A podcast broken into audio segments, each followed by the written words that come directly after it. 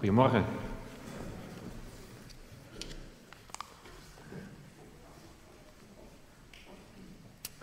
Het jaarthema is Samen in Jezus voetspoor.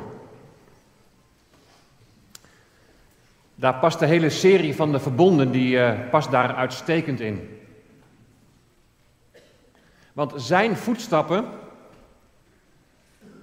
zijn aanwezigheid, is er al van voor de grondlegging van de wereld. Want Jezus is God en Hij is van eeuwigheid tot eeuwigheid.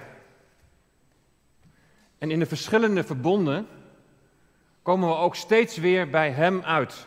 En zien we een ontwikkeling van, van voetstappen naar het moment dat Hij mens zal worden. En daarna nog veel verder, alles zal in Hem worden vervuld. Nou, het onderwerp vanmorgen in de serie over de verbonden is, naar aanleiding van Exodus 19, het verbond met Mozes.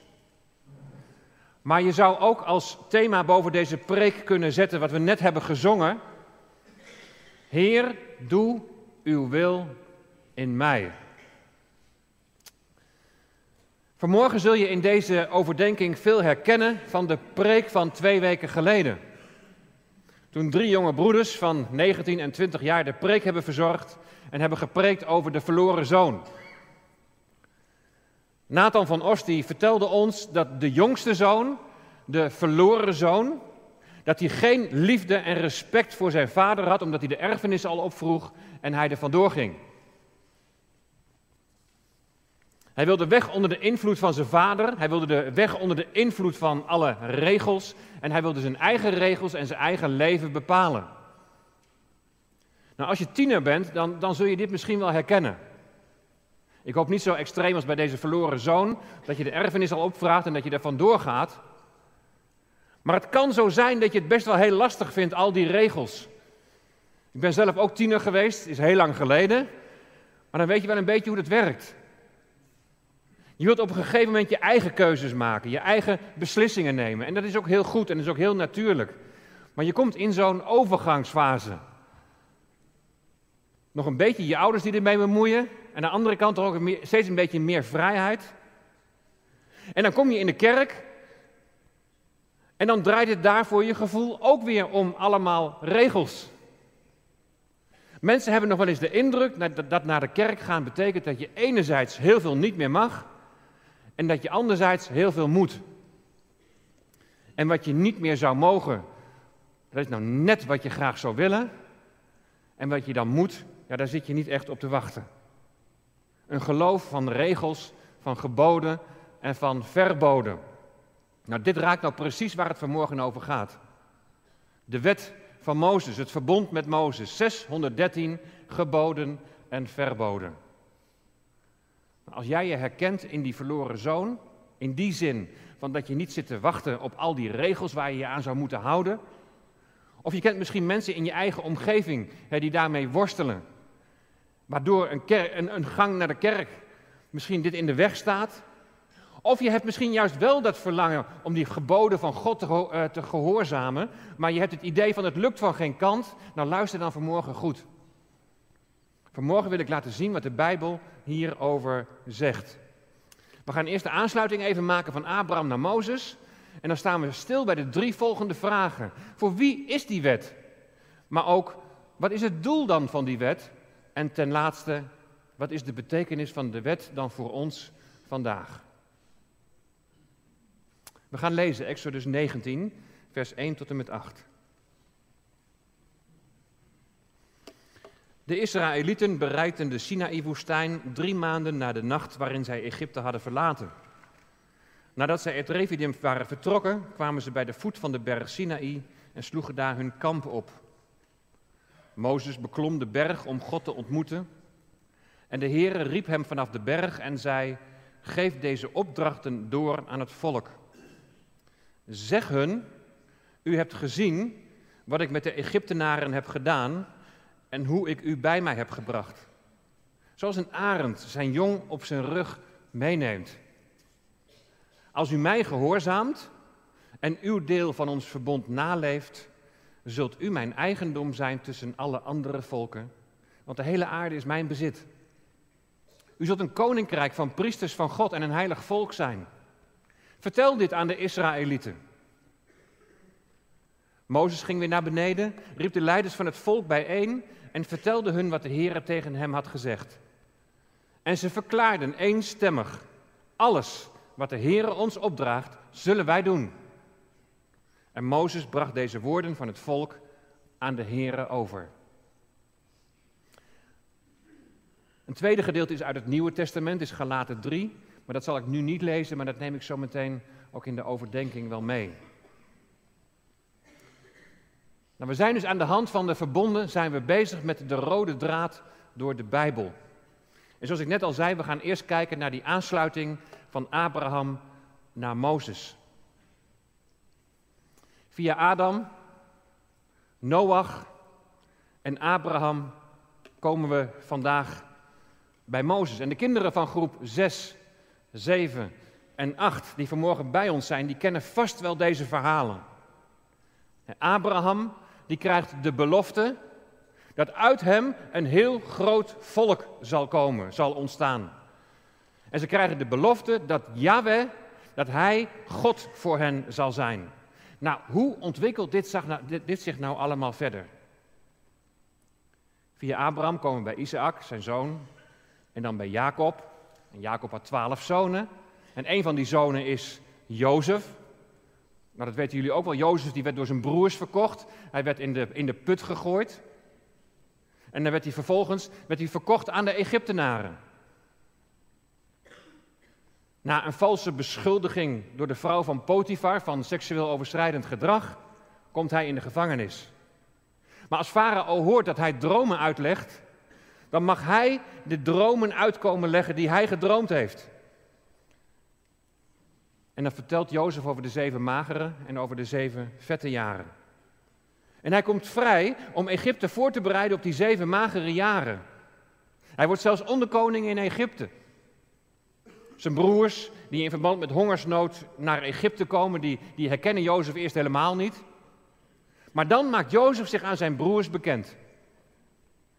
Jacob, zijn vader, die komt dan ook over en dan gaan ze samen gaan ze in Egypte wonen.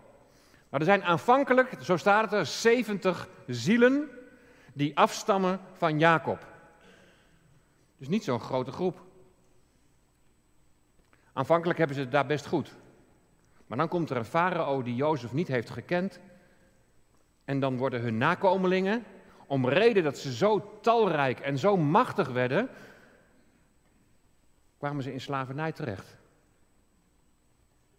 Uiteindelijk hoort God hun geroep. En hij zendt Mozes en Aaron om zijn volk te bevrijden uit de slavernij. Pas na tien plagen laat Farao zijn volk gaan. God liet de plagen over de farao en zijn hele volk neerkomen. En deze plagen die gebruikte God niet alleen om, om druk uit te oefenen op de farao om zodoende maar zijn volk te laten gaan. Maar hij gebruikte het ook om aan het hele Egyptische volk duidelijk te tonen wie hij is. En om te laten zien zijn grote macht over deze schepping. Met de tien plagen pakte God namelijk rechtstreeks alle goden aan die langs de Nijl werden vereerd. Je kunt dat lezen in Exodus 12, vers 12. Ik zal alle Egyptische goden van hun voetstuk stoten, want ik ben de Heer. Elke plaag, elke van die tien plagen heeft een aantoonbare verbinding met een of ander geloof uit de mythologie van Egypte. Stuk voor stuk liet de God van Israël aan de Egyptenaren zien dat hij ver uitsteekt boven de goden die door hen werden aanbeden. In zo'n omgeving zijn de nakomelingen van Abraham, Isaac en Jacob grootgebracht. Een omgeving van veel godendom, een omgeving van afgoderij. Bij de laatste plaag, het doden van alle eerstgeborenen, moest het volk het bloed van het lam langs de deurposten strijken. Al een heenwijzing naar het lam. De Heer Jezus Christus, die zou sterven om ons te bevrijden van het juk van slavernij dat zonde heet. En als het volk achterna wordt gezeten door de farao en zijn manschappen, dan splijt God de zee zodat het volk de oversteek kan maken.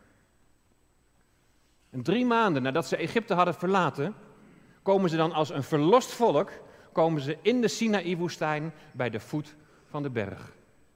En zo zijn we aanbeland bij Exodus 19. Hier gaat God verder met zijn belofte dat hij zijn volk tot een God zal zijn. Een verlost volk. Ze zijn eerst verlost uit de slavernij. Ze zijn door het water gegaan en komen dan aan de voet van de berg, van de berg Sinaï, waar ze Gods regels zullen ontvangen. Een verlost volk, maar een volk dat niet van het ene op het andere moment vrij zal zijn van alle invloeden vanuit dat occulte Egypte. Ze dragen daar ongetwijfeld iets van mee.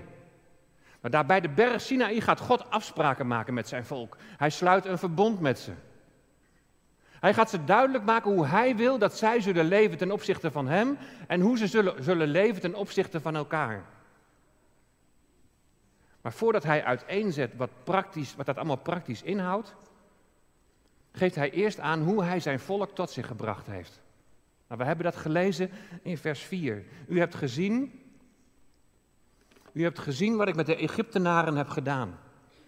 En hoe ik u bij mij heb gebracht, zoals een arend zijn jong op zijn rug neemt. Wat een prachtige omschrijving. God had de belofte gedaan, ik zal jullie tot een God zijn. En hier bewijst hij dat, hier laat hij dat zien. Hij heeft zijn volk meegenomen. Hij heeft ze gebracht op de plaats waar hij ze wil hebben. Hij heeft ze gebracht op de plaats waar ze nu zijn. Hier aan de voet van de berg Sinaï. En vervolgens wordt in vers 6 duidelijk wat hij van zijn, met zijn volk, wat hij voor ogen heeft. Hij zegt daar, u zult een koninkrijk van priesters van God en een heilig volk zijn. Israël, jullie zullen heilig zijn. Dat betekent, jullie worden apart gezet van de rest van deze wereld. Jullie worden apart gezet van de rest van alle volken. Want dat is wat heilig betekent. En dan zullen ze een koninkrijk van priesters zijn. Een priester staat tussen God en mensen in. Een priester spreekt namens het volk tot God. En God spreekt tot het volk via de priester.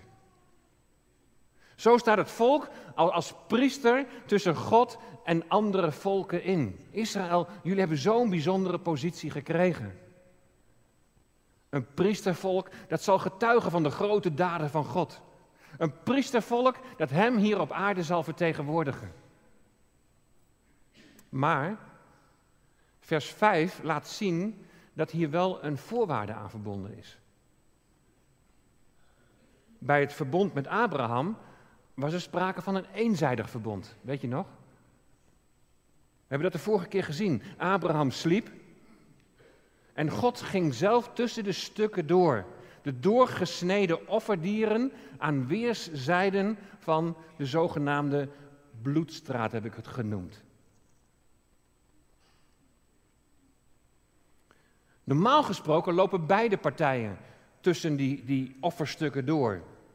En dan geven ze daarmee aan, als ik mij niet aan de afspraak houd, dan mag het mij gaan zoals deze dieren. Bij Abraham ging God alleen tussen die stukken door. Een eenzijdig verbond. Abraham hoefde nergens aan te voldoen. Er werd geen tegenprestatie van hem gevraagd. Maar hier bij Mozes is dat niet zo. Hier is sprake van een tweezijdig verbond. In vers 5 lezen we: Als u mij gehoorzaamt, en uw deel van ons verbond naleeft, dan zult u mijn eigendom zijn tussen alle andere volken. Als.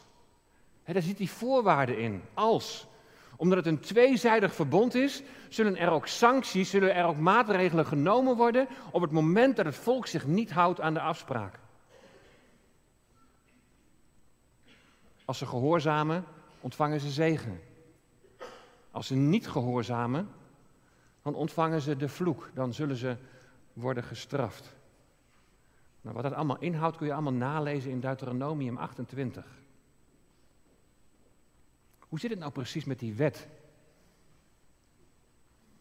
In Exodus 20, als je daar verder gaat lezen, dan kun je daar lezen over de tien geboden. Nou, heel bekend. Hè? In Exodus 21 tot en met 24 vers 11 daar wordt het hele maatschappelijke leven van Israël wordt daar geregeld. Een soort van grondwet. En dan vanaf 24 vers 12, daar volgen de inzettingen met betrekking tot de tabernakel en de inzettingen met betrekking tot de eredienst. Nou, op grond hiervan wordt in reformatorische kringen wordt vaak de volgende indeling gemaakt. Dat is deze. Dat is de morele wet, de grondwet, of de burgerlijke wetten en de ceremoniële wet. En dan die eerste zeggen ze, de morele wetten die zouden dan nog voor ons gelden. Dat zijn de tien geboden. En de overige wetten die zijn specifiek voor Israël. De burgerlijke wetten, dat is immers de grondwet. En ieder land die heeft zijn eigen grondwet. Dus dat zou niet voor ons gelden. En dan de laatste, de ceremoniële wetten, de dienst van de tabernakel en de priesterdienst en de offers, alles wat daar beschreven staat. Je kunt zien in Hebreeën, dat is allemaal vervuld in de Heer Jezus Christus. Maar als je goed gaat inzoomen op deze indeling, dan loop je toch regelmatig vast. Want bijvoorbeeld, gij zult niet stelen, is een morele wet. Maar gij zult niet stelen is ook een burgerlijke wet. En zo zijn er nog veel meer voorbeelden te noemen dat het allemaal door elkaar heen loopt. Je komt er niet uit met zo'n strakke indeling. En nu is de vraag die veel mensen zich stellen: in hoeverre is die wet, in hoeverre is die nu op ons van toepassing? Gaat het dan toch om de regels? Voor wie is de wet? Nathan die zei in zijn preek, zei hij heel eerlijk, dat hij eerst zo tegen geloof en de kerk aankeek. En ik hoor dat veel vaker, afgelopen week nog weer. Is het dan toch zo dat je aan allerlei verwachtingen moet voldoen? Zoals Vincent Broening die oudere zoon typeerde. Voortdurend stress omdat je het gevoel hebt dat je aan, aan Gods verwachtingen moet voldoen en aan verwachtingen van mensen. En het lukt niet of, of je wilt het helemaal niet. Voor wie is die wet? Wat is nou eigenlijk het doel van de wet? En wat zegt de Bijbel daar dan over? Nou, in vers 3 hebben we duidelijk gelezen dat God tegen Mozes zei: Geef deze opdrachten door aan het volk Israël. Dit is geen wet die gegeven is aan het volk van Nederland of welk ander land dan ook dan aan het volk Israël. Geef deze opdrachten door aan het volk Israël. De wet is dus voor Israël. Die nieuwe leefregel die gegeven is aan het volk Israël toen ze uit het heidense en occulte Egypte waren vertrokken. Maar daarmee is nog niet alles gezegd. Het volk Israël kreeg deze wet en zo wisten ze hoe ze in het nieuwe land, in het beloofde land, moesten leven. En dan het tweede punt. Het doel van deze wet die is tweeledig. Als het volk op het punt staat om het beloofde land binnen te gaan, dan worden ze in Deuteronomium worden ze herinnerd aan de verordeningen en de geboden. En Mozes die wijst nogmaals op het belang van het houden van die geboden. En dan lees je daar, lees je in Deuteronomium ook de reden. Opdat het u goed gaat. Het doel van de wet. Opdat het u goed gaat. God heeft het beste voor met zijn volk. Hij heeft geen regels bedacht om het zijn volk zo moeilijk mogelijk te maken. Hij heeft regels bedacht die goed voor hen zijn. Heb je wel eens nagedacht over de spijswetten? Je hoort heel vaak vertellen dat als iedereen zich aan de spijswetten zou houden, dat er heel veel ziektes die er nu zijn niet zouden zijn. Opdat het u goed gaat, volk.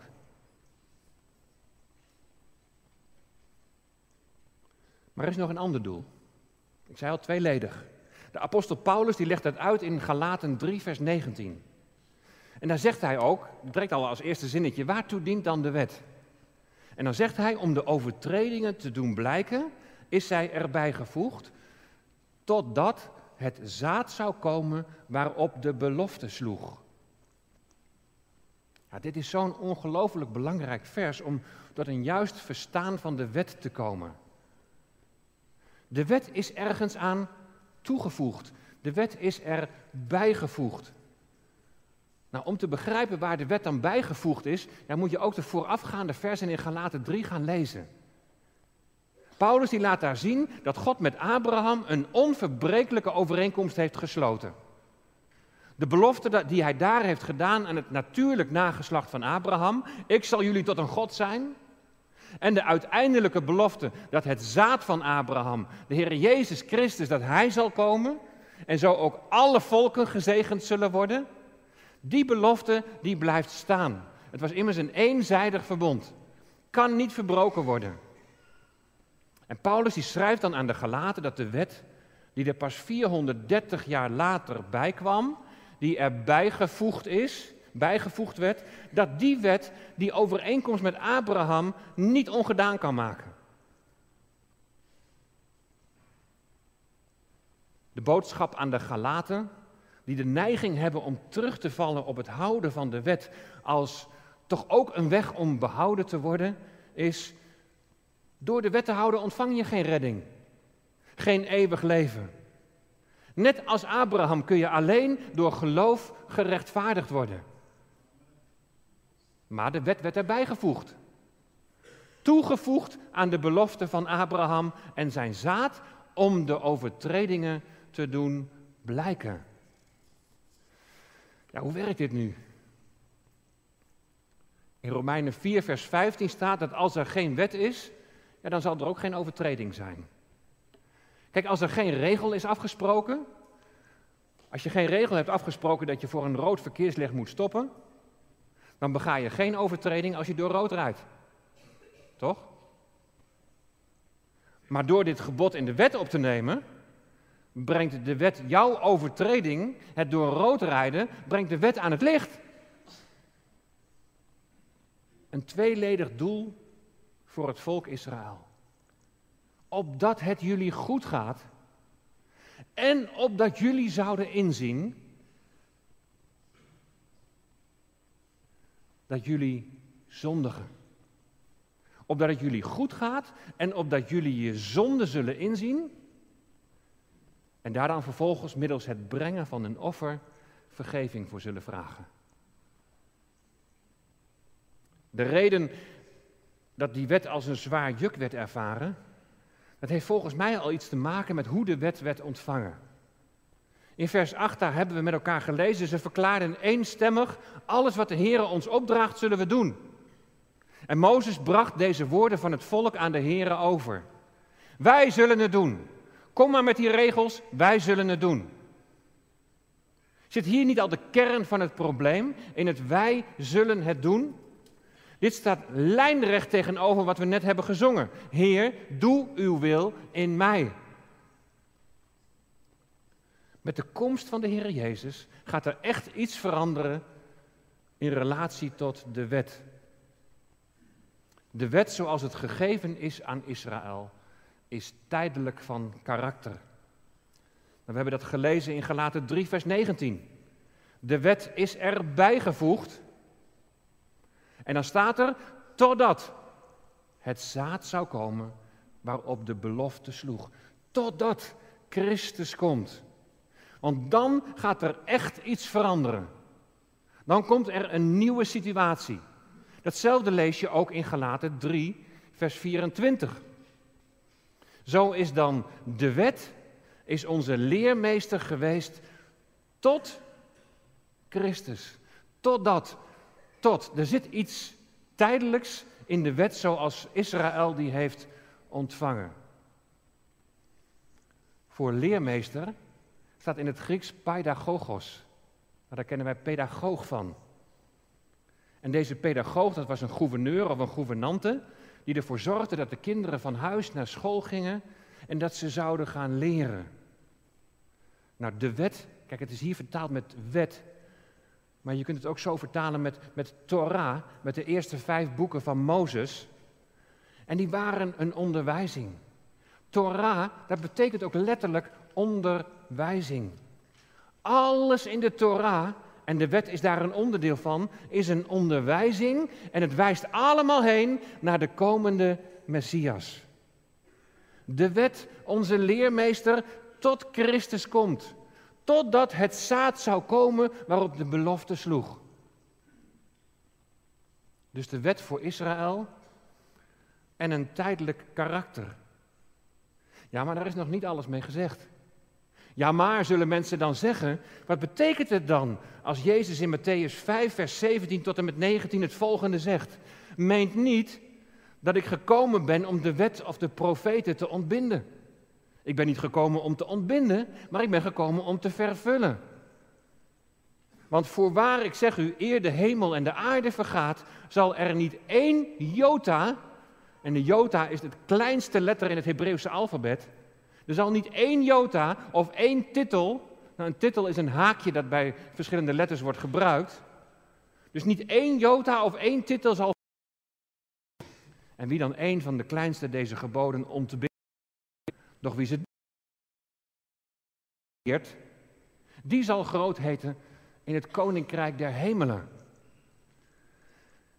Ja, dit is niet zo gemakkelijk.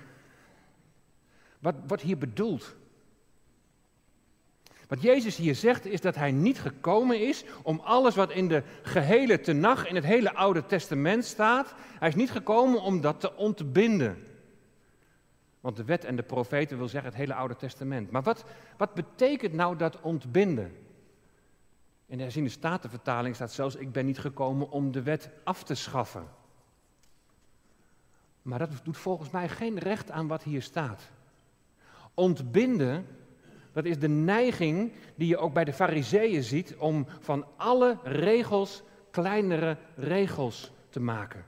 Ze zijn ze als het ware aan het ontleden. En dan bedenken ze ook nog hun eigen regels erbij. Dus ze zijn als het ware aan het ontleden. En ze zijn alleen maar bezig met de vraag: in dit geval ben je schuldig en in dit geval ga je vrij uit.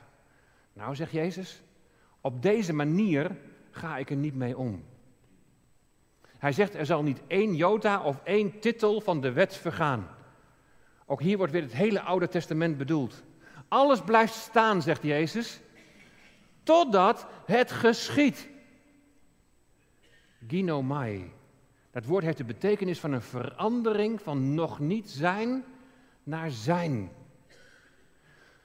Totdat die hele tenacht, totdat het hele Oude Testament, waarin alles heen wijst naar de Messias, wanneer dat tot vervulling is gekomen.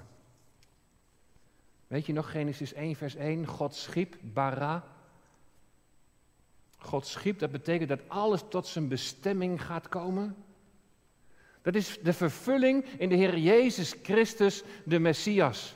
Al deels bij zijn eerste komst en straks ten volle. Wie dan één van de kleinste deze geboden ontbindt, wie ze ontleedt zoals de fariseeën dat doen, wie de mensen zo leert, ja, die zal zeer klein heten in het koninkrijk der hemelen. Doch wie ze doet en leert, die zal groot heten in het koninkrijk der hemelen. Maar dat doen, dat krijgt een hele nieuwe inhoud. De wet die behoudt zijn geldigheid, maar niet in zichzelf, maar in de vervulling.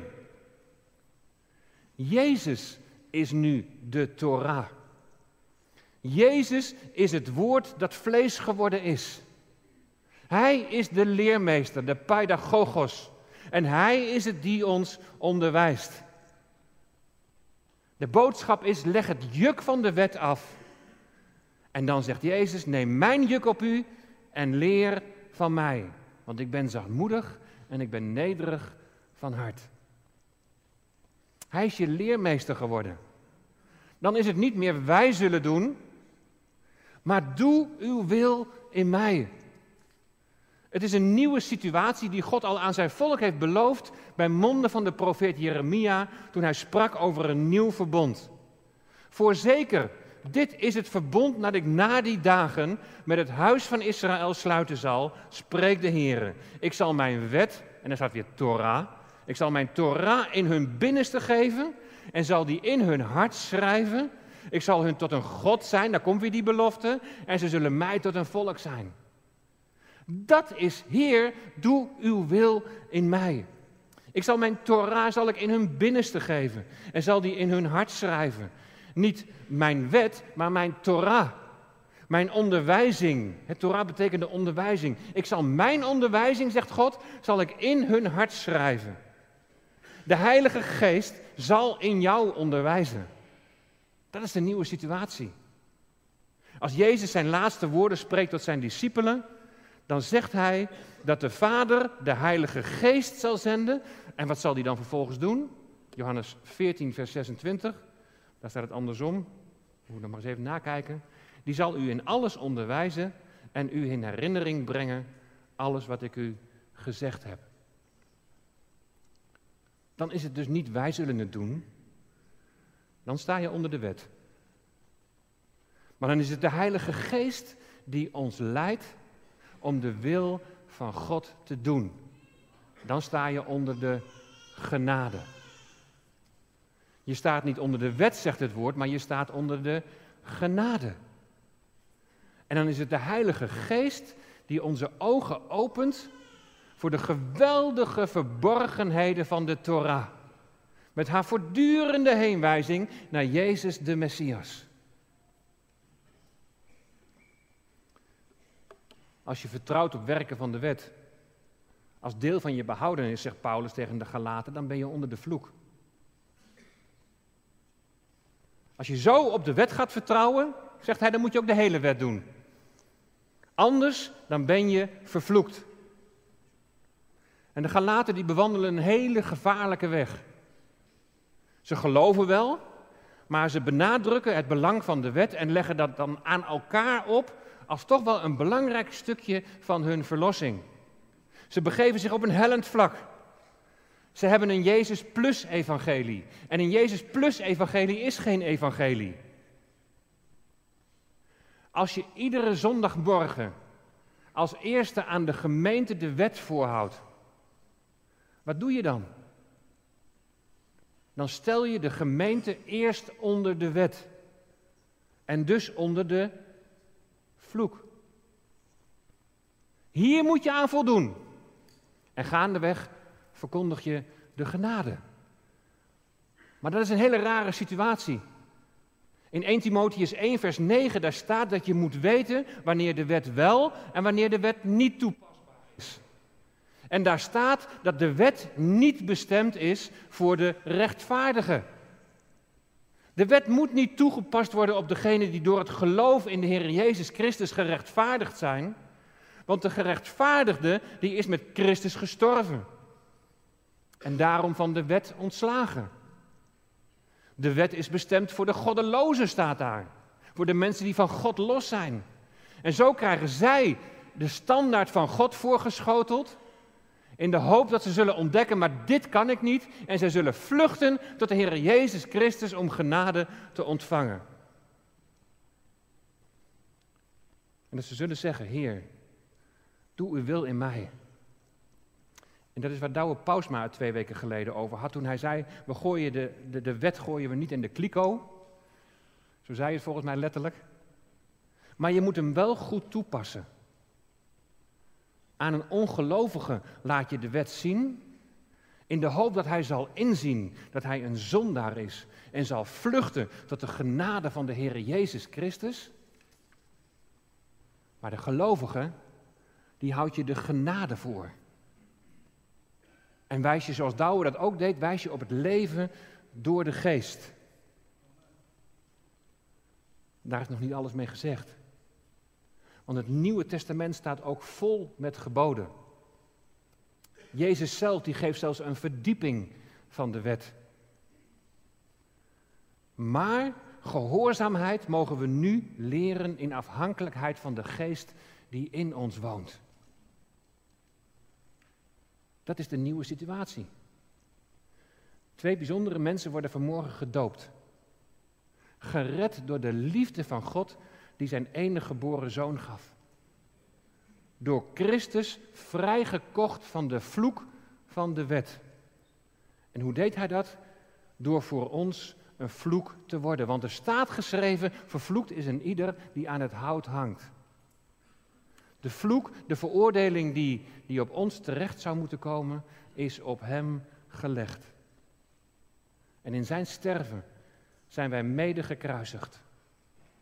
En we getuigen daarvan door af te dalen in het watergraf en zo te laten zien dat we met Christus zijn gestorven. Zo getuigen we, ik ben schuldig. Ik ben schuldig. Maar daar blijft het niet bij. Zoals Jezus opstond uit de dood, zijn wij met hem opgestaan en hebben wij vrijspraak ontvangen. En daarvan zullen jullie getuigen als jullie zo meteen weer uit het water omhoog komen. Door genade uit Gods hand leven ontvangen.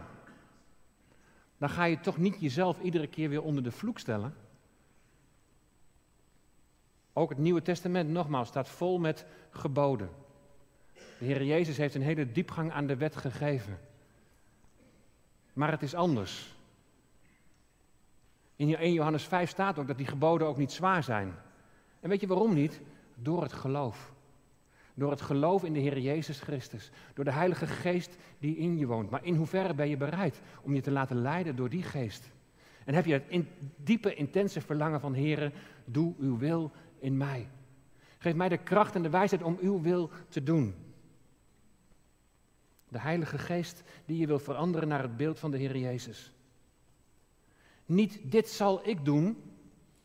En dit is goed en dat is fout. En nee, we laten ons leiden door Gods geest. Zijn wet in ons binnenste gegeven. Zijn onderwijzing in ons gegeven.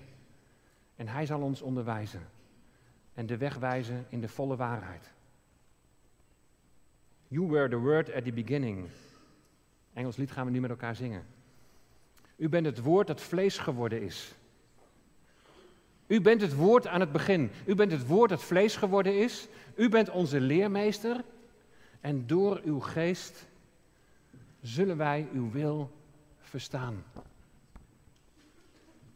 We zijn niet meer onder de wet, maar onder de genade. We hebben een gevende God. En gaandeweg zullen we wel ontdekken wat Gods wil is. Zo mogen we samen onderweg zijn. You were the word at the beginning.